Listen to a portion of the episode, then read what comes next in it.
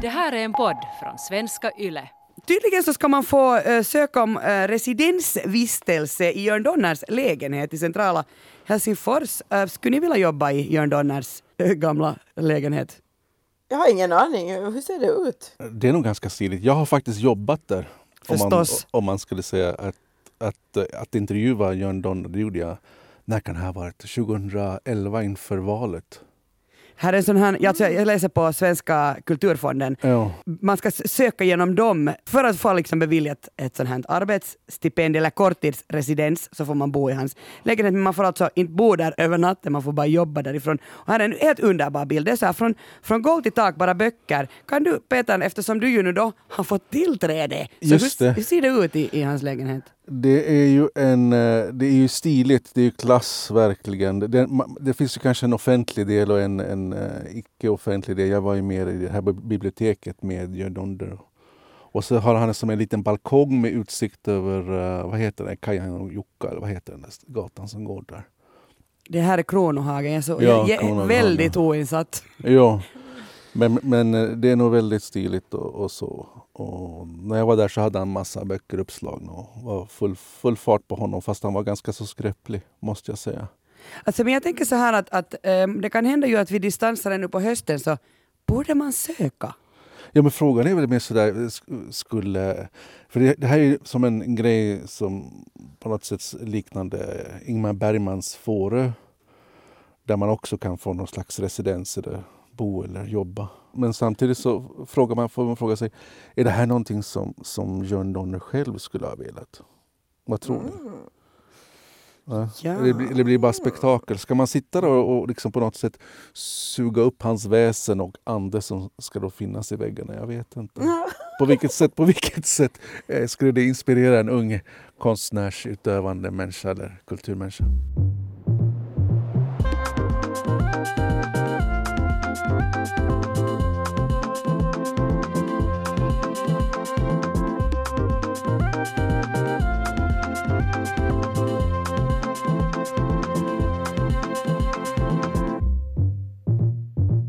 Välkommen till Sällskapet, en kulturpodd med samhällsperspektiv. Jag heter Kia Svetihin och med mig idag har jag Peter Alfakir och Tuuli Heinonen. Välkomna!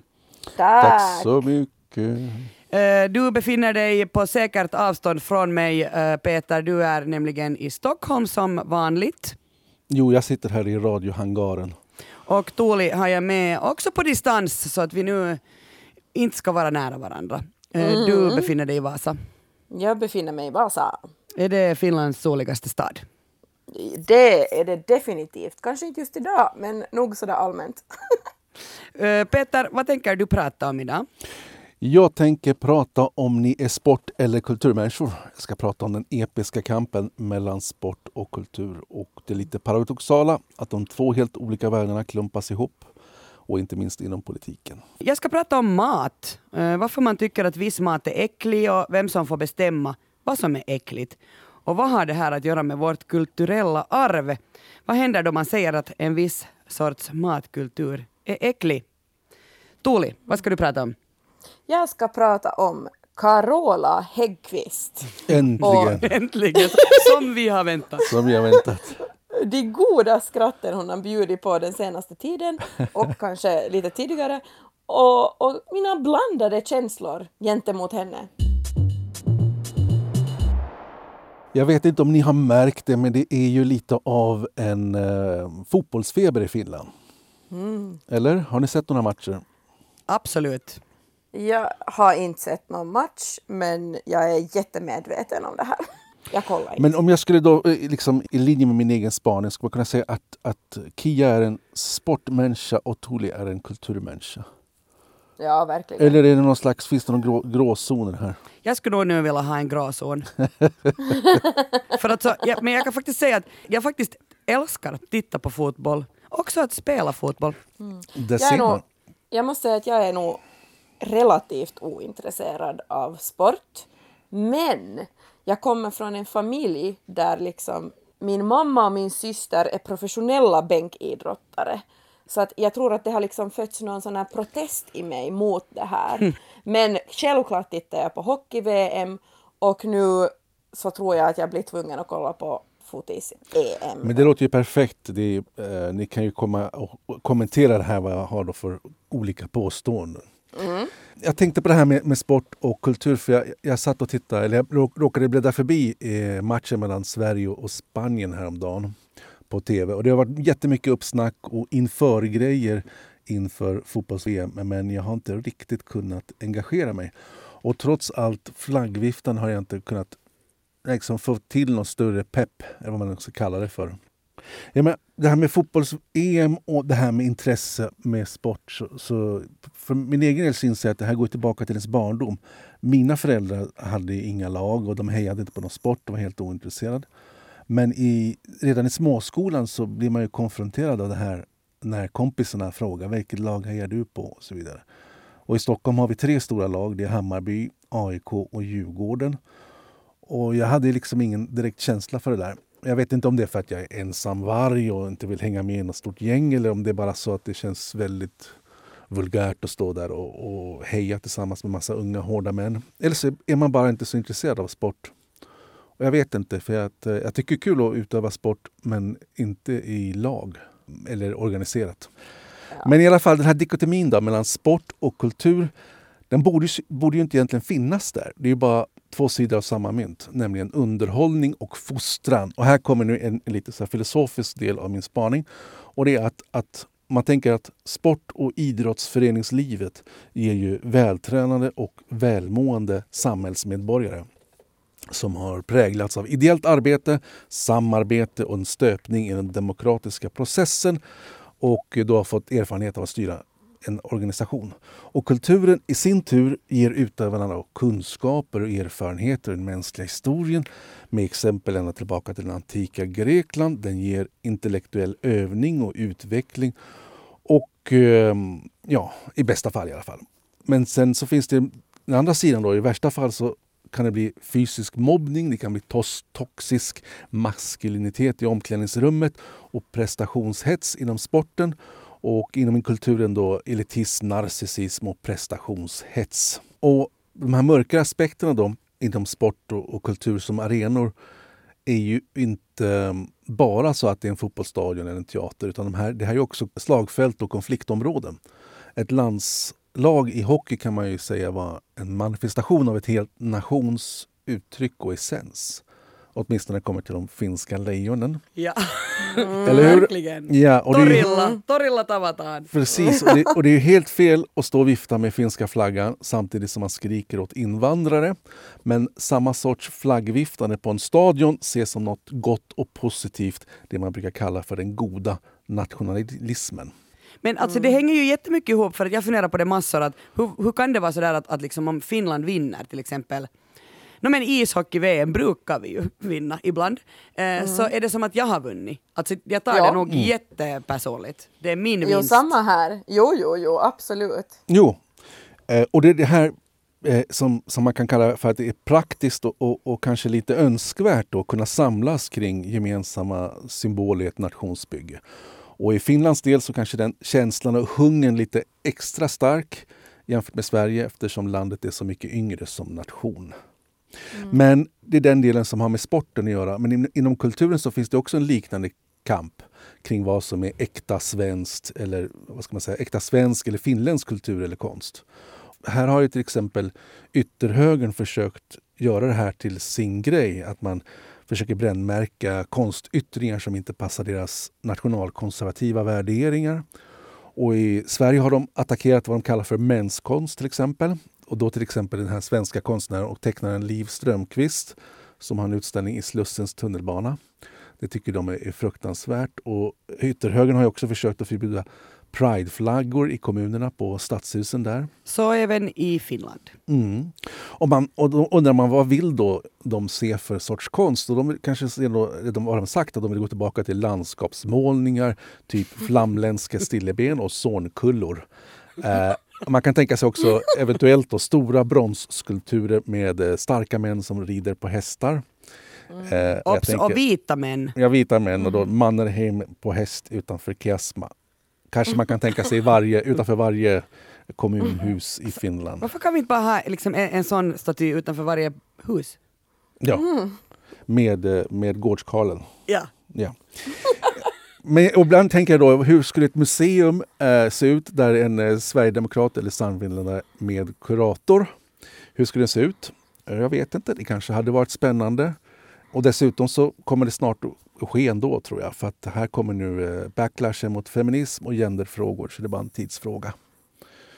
Eh, Men det finns också en hel del nationalism inom kulturen, precis som det finns inom Eh, sporten. Och då inte bara från ytterhögern, utan lite mer subtilt och outtalat. Och jag, då tänker jag på det som brukar refereras som underliggande strukturer och strömningar och i värsta fall då som strukturell rasism. Och vad menar jag med det då? Eh, ofta ses ju kulturområdet som multikulturellt och högt i tak och inkluderande. Kulturmänniskor ses ofta som vänster och kulturen verken brukar ofta handla om klass och andra sexuella, sexuella läggningar än hetero och könstillhörigheter. Men vilka är de som inte skildras i böcker på film? Och vad man inte tänker på att ett visst språk och interna referenser kan vara väldigt exkluderande. Eh, och det krävs vissa avancerade kunskaper för att ta del av det här. Och om man inte tillhör samma kultur eller inte samma samhällsklass som inte har vana eller utbildning att ta del av konsten så kan man ju känna sig utanför. Ja. Om man tänker då på de stora skillnaderna mellan kultur och sport så blir det lite skrattretande att man inom politiken gärna klumpar ihop dem. Och vi har en kultur och idrottsminister i Sverige som heter Amanda Lind. Och Finland har haft olika varianter på ministrar. Till exempel så har ni haft en Europa kultur och idrottsminister som heter Sampo Terho. Och vad de här nu olika grejerna har med varandra att göra, det kan man ju undra. Och tycker ni att det är bra att man klumpar ihop de här grejerna och låter ministrarna ta hand om så mycket? Alltså jag tycker det känns lite som att, att just eh, regeringen är sådär att hmm, i år, va, vilka ska vi sätta ihop nu då? Alltså liksom, vad är tanken här? Eller, eller är det så att, att man väljer först minister och sen är man sådär att du kan det här, därför, därför sätter vi ihop de här posterna. Mm. Jag kan tänka mig att, att man om man får en kultur och idrottsminister, att man från sportens sida tycker att det är pinsamt att inte idrotten tar större plats eller på ett större allvar än man man sätter dit den här kulturmuppen Amanda Lind att styra. Och från kultursfären så kanske man, man känner att det finns eh, att man blir förnärmad och blir ihopklumpad med en massa svettiga idrottsutövare, proteinshakes och personbästa tider. Så jag tror, jag tror inte någon blir riktigt glad av en, en sån kombo. Mm. Och när man kommer in på den här episka kampen då mellan sport och kultur så brukar man ju säga att eh, skomakare blir vid din läst. Och i värsta fall då så blir det inte så lyckat till exempel med crossovers mellan kultur och sport. Och, men när, när det händer så är det ganska spännande. Jag tänkte jag skulle ge några exempel. Till exempel när backhopparen Matte Nykänen avslutade sin framgångsrika sportkarriär ville han ju testa vingarna som popsångare. Och jag har ett klipp här som jag tänkte vi kunde spela.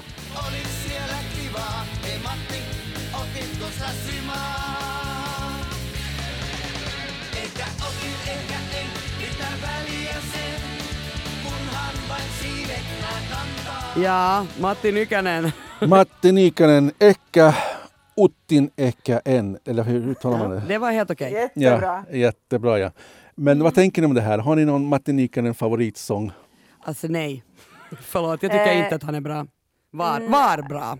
Men alltså, det är ju så dåligt är det ju ändå inte. Men här, här är ett, ett, ett exempel på det, där, där man har en sportstjärna som försöker hoppa in i kultursfären. Det, det går kanske sådär.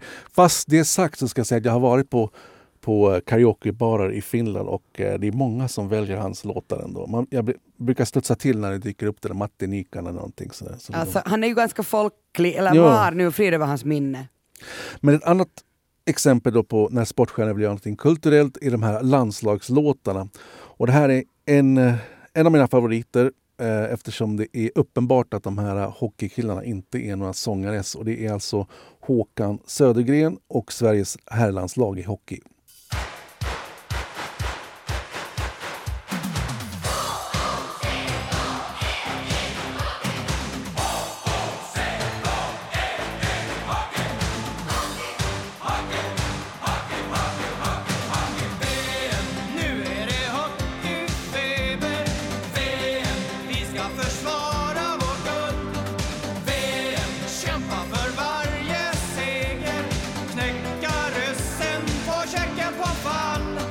Jag, jag tror man hajar grejen.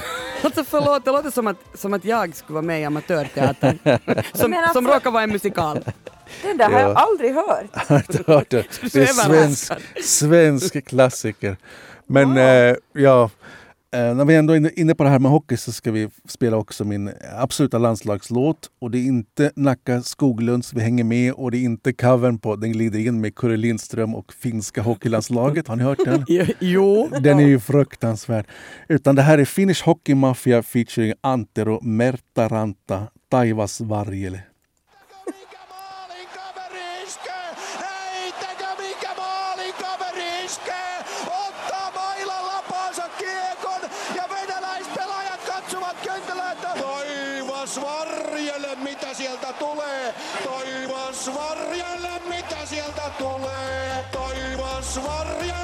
Fan vad bra drag det är den här. Så jävla bra det Ja.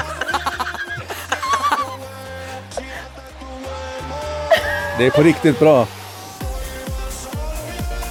Alltså Peter, jag, kan, inte- jag kan aldrig sluta lyssna på den här. Nej, det är så bra. Jag, jag, jag, kan, jag kan liksom se mig själv i ett par minimala Speedos på Ibiza och lyssna på den här. Men det här finns ju massa säkert exempel på sportstjärnor som försöker bli någonting annat än sportstjärnor då inom kulturen. Men det finns ju också andra grejer där man försöker blanda idrott och kultur. Och här kommer vi till ett av mina hatobjekt och det är Cirque du Soleil. Jag vet inte om ni gillar akrobatisk teater? Cirque du Soleil. Ja, Är det ditt so lame ja. hatobjekt? Ja, jag vet. Det finns inget värre.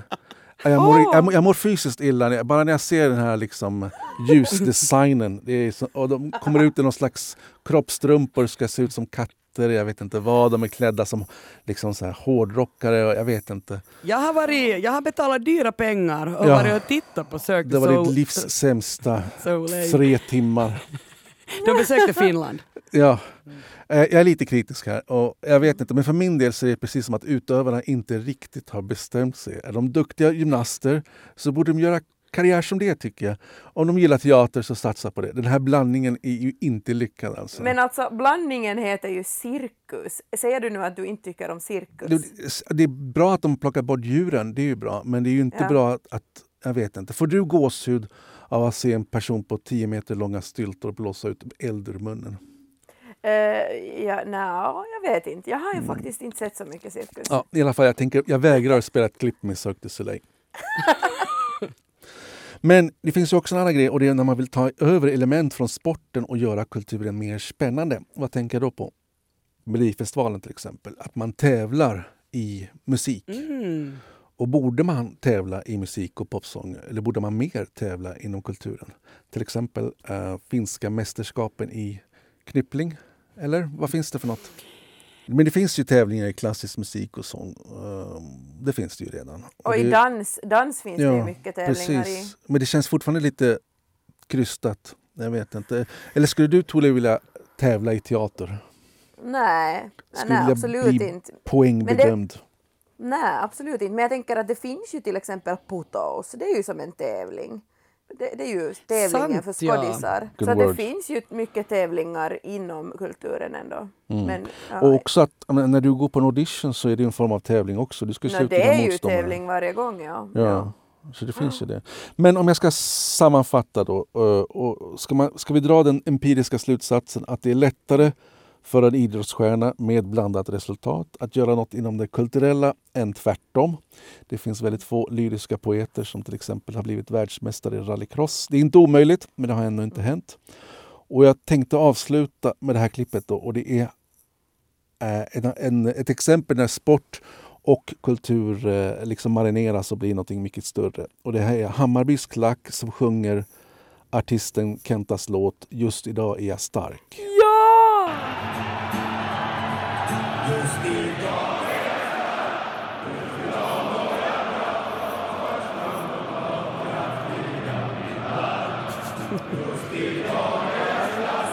Just idag är jag Sjunger du dåligt? Ja! Det här är min mantra! Yeah. Ni, får, ni får ju tänka att det här är 50 000, eller kanske 50 000, men säg- säg- säg 20-30 000 personer som, som i, i, en mun då sjunger den här sången. Det, är- det är, faktiskt, Episkt. det är faktiskt ganska starkt. I talkshowen The Late Late Show med James Corden så finns det ett segment där hans gäster ska testa mat från olika kulturer. Det här segmentet heter Spill your guts. Ni kan alltså tänka er eh, då hurdan mat det man har tänkt alltså att eh, man, de här gästerna ska testa på. Nå, TikTokern Kim Cyrusome har den här veckan lagt upp en video som har blivit viral direkt. Där anklagar hon det här segmentet för att vara rasistiskt. I det senaste programmet, nämligen av The Late Late Show, så smakar de på asiatisk mat, nämligen på balut. Eh, känner ni till balut? Faktiskt inte. Nej. Då ska jag berätta att det är ett befruktat antembryo och anses vara en delikatess i vissa länder i Sydostasien. Och så här låter det. a fish smoothie, pig blood curd, and a baloo, which I don't even know really what that is. I don't So, know either. Wow, it all looks so terrible. and I know people can't smell it, but it doesn't It's smell really good either. disgusting. Yeah. It's it's horrific. This fish smoothie is giving off. It smells like being at the beach. I'm gonna. I think I'm gonna give you the pig blood curd. Oh boy. Okay. Okay. Just det, eh, så här låter det alltså när de ska då testa på olika maträtter, bland annat balut. Eh, Den här Kims TikTok-videos eh, om Spill your guts har över 2,5 miljoner visningar. Den har lett till ett upprop för att ta bort asiatisk mat från segmentet eller ta bort segmentet helt från den här showen. Det man alltså säger är alltså att, att så här, det här är liksom rasistiskt och det här uppropet har för närvarande 25 000 underskrifter. Men vad händer alltså om man säger att en viss sorts matkultur är äcklig? Horrific, terrible, som James Corden skriker i TV. Men de säger väl inte just att en, en hel matkultur är äcklig, de säger bara att den här rätten är äcklig. Mm? Wait for it. Okej. Um, I och med coronavirusets eh, intåg i hela världen för snart ett och ett halvt år sedan så finns det en allmän uppfattning bland västliga virologer att viruset smittat från fladdermöss då via ett annat värddjur sen till människan. Och i det, det här hoppet skedde på marknaden för levande djur i Wuhan. Men jag vill alltså nu påpeka att det finns ju också andra teorier, uh, som till exempel man undrar vad som hände egentligen där på säkerhetslaboratoriet i Wuhan.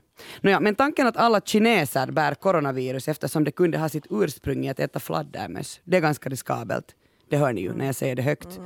Men det här att covid eh, liksom var så osynlig, eller är fortfarande så osynlig, så har gett trovärdighet till den här tribalistiska uppfattningen att asiater, som ju äter så äcklig och konstig mat, säkert måste vara de som bär och sprider viruset. Eller the China virus, som en viss president kallade det. Så i takt med att viruset sp- har spridits så har också personer med asiatisk bakgrund fått utstå i mycket större grad rasism och diskriminering. Så man kallar det för covid-hatbrott. Och mat är vad jag alltså har tänkt på. Eh, Och egentligen äcklig mat. Och vem definierar vad som är äcklig mat? Ni känner säkert till Claude Lévi-Strauss, alltså den här franska antropologen och filosofen som utvecklar strukturalismen för att man liksom skulle förstå det mänskliga samhället och kulturen. Han betraktar mat som språk och han såg maten som liksom en djup struktur i kulturen, alltså som grammatik. Otroligt fascinerande. Att han, liksom, han sa att man kan läsa maten som en sorts text. Och mat berättar både om en viss typ av arbete, alltså det är någonting som vi tillreder, och om konsumtion. Mat är ju alltså någonting som vi äter. Och med utgångspunkt i Levi Strauss så hävdar den finska sociologen Pasi Falk att skillnaden mellan ätligt och oätligt är en av människans mest fundamentala distinktioner. Ätligt är det som en viss kultur anses vara acceptabelt att inkorporera då, både liksom i kropp och i kultur. Och även om vi människor i likhet med råttorna är allätare så vill vi inte äta liksom allt som objektivt sett är ätligt. I Norden äter vi till exempel inte vissa produkter som anses vara en delikatess i andra kulturer och, och, och vice versa. Att det går liksom inte att bortse från den här psykologiska aspekten av smakupplevelser. Synen, ljudet, känseln spelar in, men också sen liksom konsistensen, smaken, färgen, texturen, doften och till och med produktnamn spelar roll. Man har gjort otaliga undersökningar och alla påvisar att det finns en sån här underliggande psykologisk förutfattad mening om huruvida no någonting är liksom gott eller om någonting är äckligt. Håller ni med mig så här långt? Ja. Jo, mm, minns ni Mad Ventures? Hur är det med dig Peter? Vet du, känner du alls till det? Nej. Nej, det är ett tv-program som hade sin första säsong 2002. Det är ett ganska gammalt program. Och det här programmet gjordes av Riku Rantala och Tuomas Tunnan Milonov. De åkte omkring i världen och sen visade de upp olika länder och deras kulturer. Det var så här, verkligen ett sånt exotifierande pissprogram där två vita västerländska män besökte typ så här en ursprungsbefolkningsstam i Amazonas och sen i ett helt avsnitt så exotifierar de supermycket det här folket. De testar så här olika crazy grejer som de här liksom helgalna befolkningen här på andra sidan världen höll på med. Och varje avsnitt hade ett segment som hette Mad Cook. Och ni ser ju vartåt det här barkar. Så här lät det då de var i Ecuador och Tunna fick äta järnapa, en lokal delikatess. Yksi, kaksi, kolme! Tuomas! Tuomas pääsee nauttimaan. Tuomas pääsee nauttimaan apinan aivon.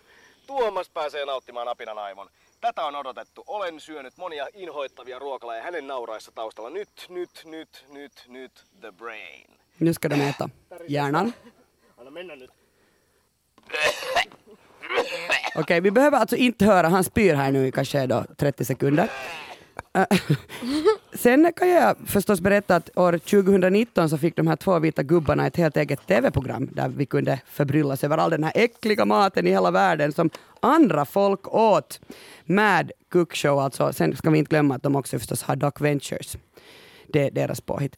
Men jag säger då att vita västerländska medelålders män kanske det nu skulle vara på tiden för er att steppa ner lite från era talkshows och tv-programstroner och ge plats åt annat folk. Sen kan jag också avslöja att svaret är nej. Eh, jag läste en lång artikel i The New Yorker om mat och vårt förhållande till vad som är äcklig mat. Och den är skriven av Jia Yang Fan och den handlar om The Disgusting Food Museum i Malmö. För det finns alltså ett sånt. Har någon av er besökt det här museet? Nej, är det igång redan då? Jo, jo, det har varit igång hur länge som helst, alltså typ sedan 2018. Hur länge som jag helst. tycker att jag själv har besökt det museet, men det kanske bara var en vanlig krog då i Malmö. Ja.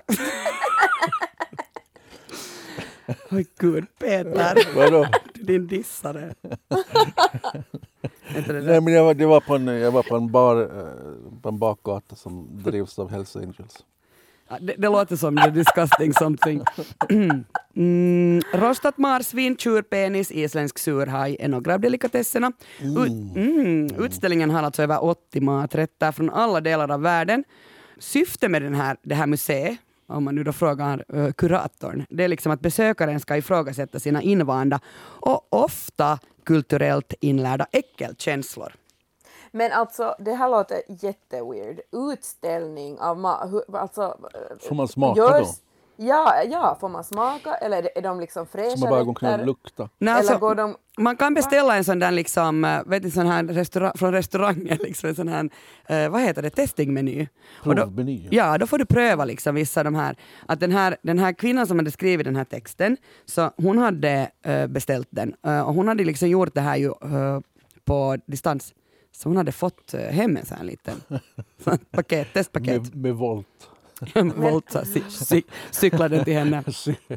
Men om man funderar så här, hurdana kriterier har man använt för att välja ut de här över 80 avvikande rätterna? Det är alltså psykologen och kuratorn Samuel West, som alltså också ligger bakom Museum of Failure.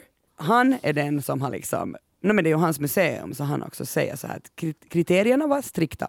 Tillsammans med sin vän Andreas Arens, som idag är kurator för det här matmuseet, så bestämde de att det måste vara riktig mat som antingen äts frekvent eller är historiskt viktig. Alltså bacon, glass och öl gjord på vaginal jäst föll bort direkt. För ingen äter faktiskt eh, baconglass eller dricker eh, öl gjord på vaginal jäst. Oh my god. Nåja, sen ska det vara äckligt förstås, alltså antingen i lukt eller smak, eller på något moraliskt sätt ska det vara äckligt. Och det tredje kriteriet är att det måste vara intressant. Så ruttna och illaluktande rätter har ett visst företräde på utställningen. Alltså här finns surströmming, thailändsk durianfrukt, sydkinesisk stinkig tofu och det som luktar allra värst är den isländska surhajen som är en blandning mellan döden och ammoniak.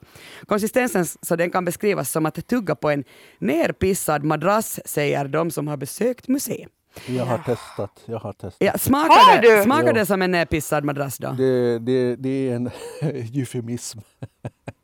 Det är en skön, skön eh, beskrivning av Okej, det. Det var, det var inte gott. Berätta hur det Kan du berätta konsistensen och smaken? Det är något vitt, liksom segt och sen så luktar det så starkt ammoniak så det ögonen tåras. Jag tycker inte så mycket luktar så mycket piss utan bara ren kemisk ammoniak. Åh, jag får helt så här kvällningar. Mm. Och så är det haj också så det är inte så moraliskt riktigt. Ehm, när hajen är färsk är den giftig och det är därför alltså som man... För den innehåller jättestora mängder urinsyra. Eh, och den kan ätas men därför måste man fermentera den. Liksom. Och det, det här är orsaken. Nåja. Men hej, ordet äcklig, eller liksom uttrycket äcklig, kom in i det engelska språket redan för 400 år sedan. Det kommer från det franska ordet disgusteur. alltså jag kan inte franska men jag älskar att uttala ord så här. Ja, det, var, det, var, det var pluspoäng där. Men alltså disgusteur betyder att avskräcka sin aptit. Och det här ordet blev inte liksom vetenskapligt förrän 1872 då Charles Darwin var sådär att att ja, ja, men äh, det här är ju en reaktion på någonting som är upprörande primärt i förhållande till sin smakkänsla och sekundärt till allt som orsakar en liknande känsla, alltså genom luktsinne, beröring och genom att titta. Och han teoretiserar att äckel är liksom en grundläggande mänsklig känsla som ilska, rädsla eller sorg och att den har ett universellt äcklat ansikte. Alltså man, alla ser lika ut när man säger så här ök. Uh, den här Jia, Jia Yang Fan, alltså hon som skrev essän i The New Yorker, hon är alltså född i Kina. Och hon skrev att det kändes ju kanske lite konstigt och rätt så utpekande att en så stor del av de äckligaste rätterna i det här uh, The Disgusting Museum var kinesiska. Och den här frukten durian, så hon avslöjar sen att det är hennes comfort food, alltså tröstmat, eh, då hon som barn bodde i Kina. Känner ni till, vet ni den här durian? Jo. Frukten? Ja. Nej, Har, har jag du, vet inte. Peter, Jag har har, du inte, jag ätit har den? inte testat det men jag har nog sett eh, videos med det där. Jag har alltså sett mest när jag var i Bangkok här för något år sedan på ett hotell var det så här stora skyltar överallt att det är förbjudet att ta durian in på hotellet och det här är alltså ganska vanligt för att den bannlyses från, från hotell och kollektivtrafik och så vidare för den luktar alltså jätteilla. Fruktköttet avsöndrar en sån här speciell doft. Eh, Jag tänker att det är som koriander, antingen hatar man det eller så älskar man det. Att liksom, antingen tycker man faktiskt att den här frukten doftar gott eller så tycker man att den är väldigt obehaglig. Men hej, för att definiera tröstmat, så det är alltså mat som ger ett nostalgiskt eller sentimentalt värde till någon och som man allra helst ska äta hemma och när man är ensam. Och jag hittade alltså en helt splitterny podcast som jag jättegärna tipsar om här i det här skedet. Den heter Comfort Eating. Den görs av The Guardians matkritiker Grace Dent och första avsnittet kom faktiskt den här veckan. Och det, där, det handlar liksom om att hon har märkt att i sekunden folk får prata om sin tröstmat så blir de helt lugna och avslappnade. Men också liksom att få prata om mat gör att man, liksom, att man, man blir lugn. Plus att, att den här journalisten sa att, eller matkritikern, att hon kunde då liksom jättebra se hurdan typ man är när man berättar om, om liksom vad man äter. Och ni vet ju som har gjort podd med mig och Peter som är journalist att varje gång man, man, liksom ska, man ska ta ljudprov så brukar teknikern fråga vad åt du till morgonmål? Ja, Och här finns liksom en psykologisk orsak bakom att, att man slappnar av då. wow. Mm. Vad är er tröstmat? Min, min tröstmat är något jätteweird som en sån här konstig eh, så kallad sallad med tonfisk, majonnäs och makaroni och lite gurka och tomat. Det låter inte som jättesallad, la- salladsaktigt det där Men jag kallar, jag kallar det för en sallad. Ja, ja, okej, okej. Har du Peter tröstmat som du liksom som du bara vill äta ensam? Popcorn. Det, Jag, Popcorn! äter, jag äter popcorn nästan varje dag. Men Ah. alltså det är väl ganska bra snacks? Det beror på hur mycket olja man tar på det. Men hej, ehm, religion spelar ju ofta in i vad Just. folk äter eller inte äter. Jag, jag misstänkte att du skulle komma in på det. Ja, liksom, eller hurdan uppfattning man också har om mat. Alltså, nu tar jag bara två exempel här. Islam och judendom, till exempel, de förbjuder ju alltså griskött. Eh, många kulturer undviker andra typer av kött och de här tabuna kan ha provocerats av äckel. Alltså grisar anses vara oro, orena, rått kött tenderar att vara slemmigt och oaptitligt och båda kan orsaka sjukdomar om de tillreds felaktigt. Är någon av er eh, på grund av någon religion eh, eller tradition så att ni inte äter någonting visst? Eh, nej, jag, jag, nej, jag är allätare. Nej, jag äter nog alltihopa också faktiskt. Men nu måste jag hänga ut dig då Peter, är du inte muslim? Min familj är muslim som man säger så på diplomatiskt sätt. Det var det, när, när folk brukar fråga mig när jag är i Damaskus, det brukar vara där, så så säger jag så. För att man får inte liksom avslöja att man själv inte är, är muslim. Det är nästan värre att säga att man är ateist eller icke-troende än att säga att jag skulle vara kristen. Just det. Det är mycket, mycket större och längre diskussioner.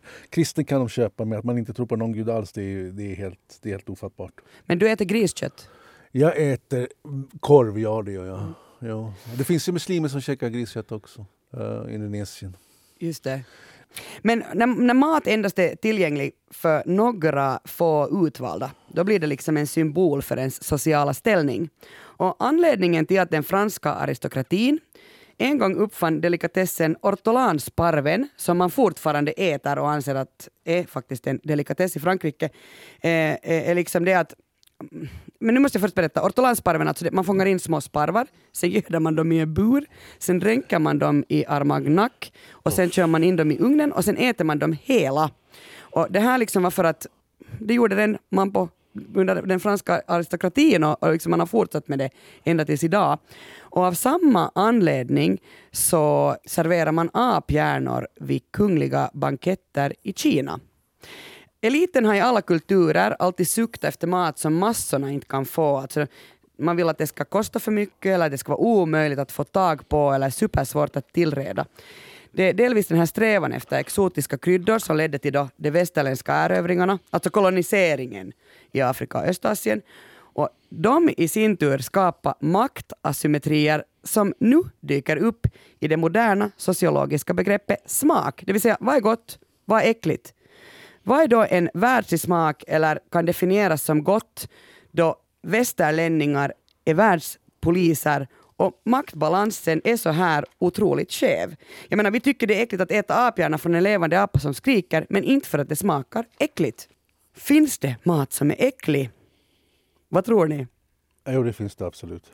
Vad säger Tuuli? Ja, självklart finns det äcklig mat. Jag är ganska... Jag, jag är lite kranto med mat faktiskt. Men jag, Så- men jag hävdar ju att det inte finns, utan det är bara kulturellt betingat. Men det finns också finsk mat som är på gränsen till det anständiga. liksom. Absolut. Som vilken? Som Men eh, kalakukko, eller kalakukka. Kalakukka. Kukko. Det, jag, hade, jag hade kompisar över från Stockholm när jag bodde i Finland och de skulle absolut testa någonting där nere i någon saluhall. Beställde in en, någon rågbrödspirog med liksom fiskrens i. Han, han pratar fortfarande om den där pirogen. Att det var det vidrigaste han någonsin ätit. Men alltså det är ju ganska... det, det är ju ganska vidrig mat. Men jag, jag tänkte på en annan sak, det här med att, att, att eh, man i asiatiska länder tycker att, eh, att det är lite rasistiskt att man pekar ut deras mat som äcklig. Det finns ju en annan trend på TikTok och det är den här surströmming challenge. Har ni hört talas om det? Nå, jag kan tänka mig vad Jo. det kunde vara. Ja, och jag, jag misstänker att det är bolaget själv, det här, de som säljer den här surströmmingen, som ligger bakom det här väldigt smarta sättet att marknadsföra sig. Men där är det en massa amerikaner då som säger nu ska jag göra en surströmming challenge och så, så står de framför kameran och så öppnar de burken utan att veta att man måste öppna den under, under vatten. Så, det, så de öppnar i sina bilar, eller vad fan de nu öppnar den och så liksom sprutar bara rutten. Och så skriker de och så kräks de om vartannat liksom. Det var sådär att på det där foodmuseum så surströmming var det väl som människor spydde mest av, liksom bara den där lukten, att någon hade spytt tio gånger av det. Ja. Men och, och, på den här foodmuseum finns det också salmiak. Och det kan jag ju säga att liksom, det känns ju sådär Vem tycker nu inte om salmiak? När man själv liksom, jag älskar salmiak. Okej nu står jag här och ljuger, jag älskar inte salmiak, men jag kan äta salmiak. Liksom, det är väl inte något liksom, most disgusting. Men det finns ju också sådana TikTok-videos med folk som testar eh, liksom svensk och finsk, eller fatser, den här turkisk beber.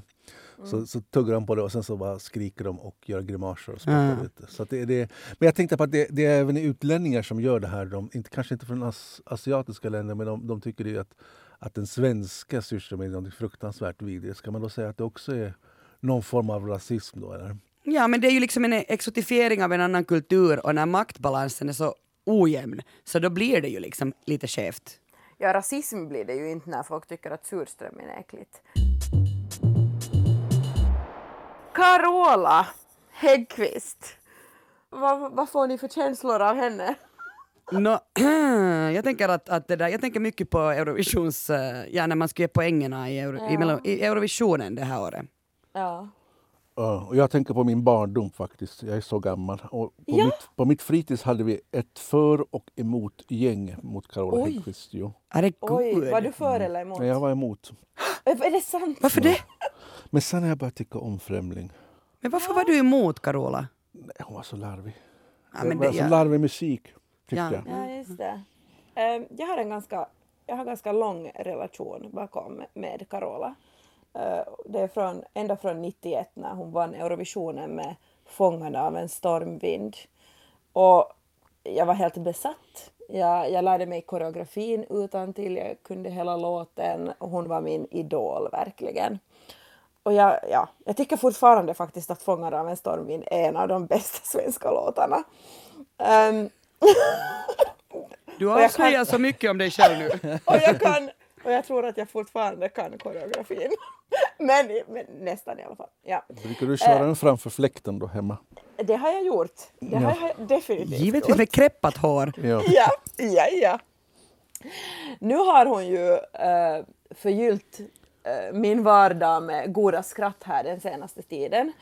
Till exempel då Eurovisionen som du nämnde, Kia, eh, där hon skulle meddela Sverigejuryns poäng. Och det gick inte riktigt som tänkt utan det var en tekniker som syntes i bilden och hon blev nervös och så hade hon ett alldeles för långt tal och berättade om sina, sin vinst för 30 år sedan. Och hon hade liksom inte, det var som att de, hon hade missat konceptet att nu går det, nu ska det gå snabbt. Snabbt i år och man ska bara Ja. ge 12 poängaren men hon liksom hade, hon pratade alldeles för länge. Där, där satt man och skämdes nog. Det blev helt enkelt väldigt rådd och ja, som du sa Kia, pinsamt. Pinsamt för alla, men jag tyckte det var fantastiskt roligt. Eh, sen, inte så lång tid efter det, så, så hade hon sin sommarkonsert där hon sjunger gamla godingar och så sjöng hon bland annat Idas sommarvisa och ändrade till texten lite grann och sjöng eh, att hon älskar kossor mitt i och började jamma lite sådär i gospelstil, vilket jag tyckte var helt fantastiskt. Och det har, det har liksom bombarderat på sociala medier eh, i det här korta klippet, men jag hittade även liksom, eh, en Youtube-länk där man ser hela konserten och just efter det här mm, jag älskar kossor så men märker man att hon liksom kom lite av sig och pianisten måste hjälpa henne för att komma tillbaka till den egentliga sången. Och det, ah, det är fantastiskt roligt. Men, men är det så att, att man har, har man liksom börjat tycka om henne i och med det här kussincidensen? Nej, alltså hon har blivit ja, hånad. hon, har, hon blir hånad. Det är så att man Ja. fortsätter, för alltså efter Eurovisionen så på de poddar jag lyssnar på från Sverige så alltså typ alla jag lyssnar på eh, hånar henne eller var liksom så här att oh my god hon var så pinsam Ja. och liksom att, att tänka att hon om och om igen ska dra det här när hon har uppträtt och alltid, att det alltid ska handla om henne. Och jag, Och måste, hennes- jag är inte så insatt nämligen i den här kulturen eller den här kulten Ja. gällande Carola så jag, jag blev liksom kanske mera till mig att man tyckte sådär illa om henne. Ja, hon blir verkligen hånad. Och jag tänk, just den här Eurovisionsincidenten så, så hon menar ju själv att hon har stått färdig i 35 minuter, uh, varit liksom redo och så kommer liksom teknikern och lite stör henne. Och hon menar också att hon hade gått igenom den här, liksom hennes text, vad hon säger och från SVTs håll så hade den varit tummen upp och hon hade undrat själv om den är lite för lång och då bara nej, nej, du ska ta plats, du är Carola.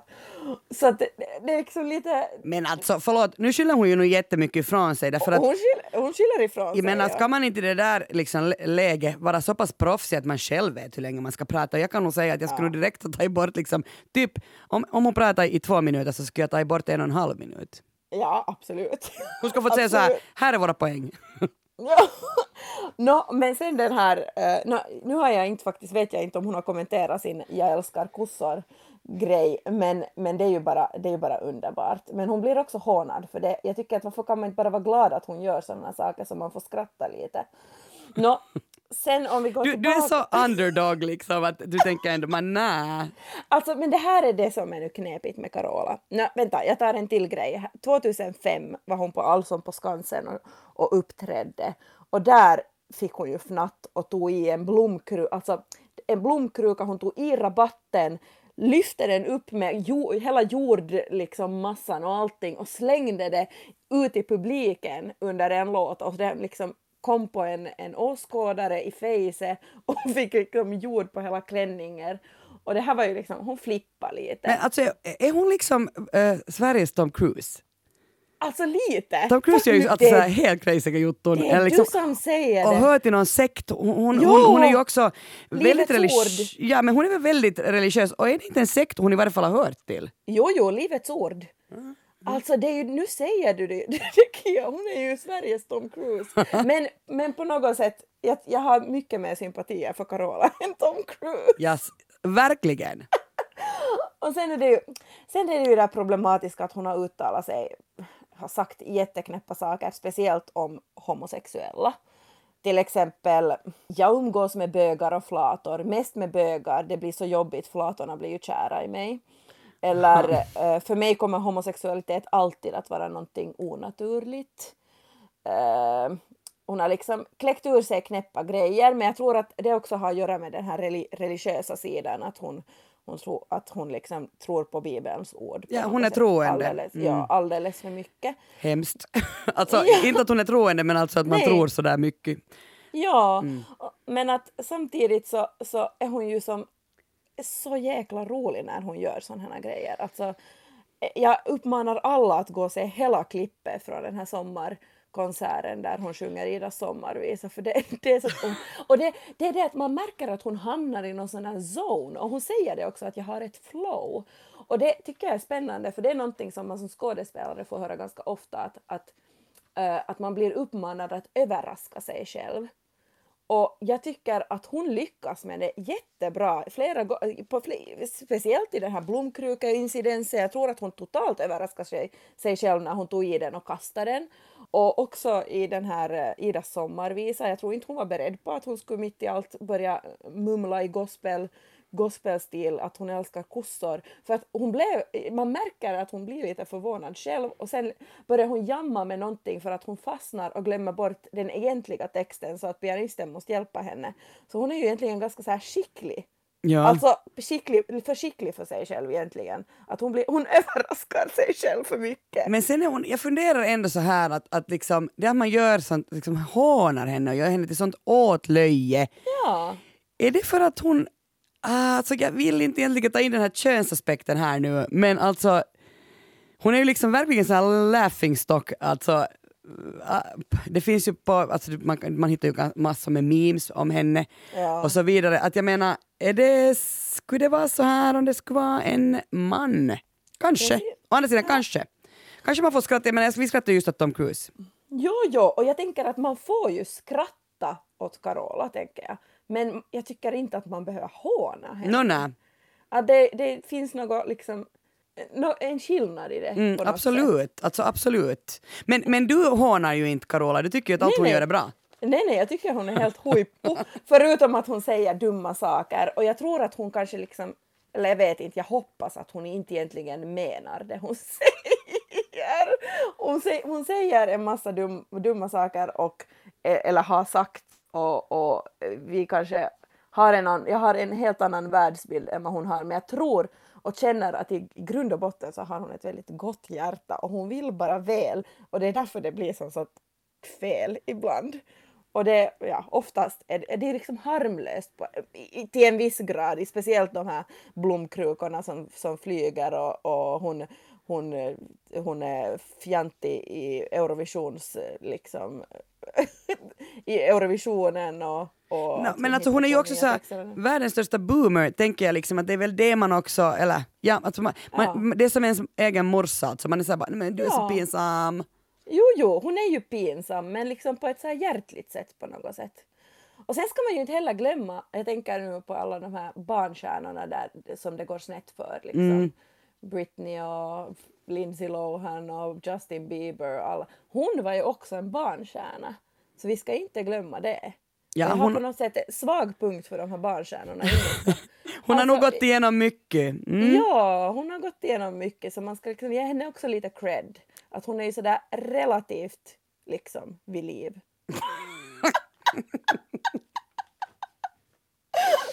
ja, Mm, så okej. att K- Carola i mitt hjärta. Carola i våra hjärtan.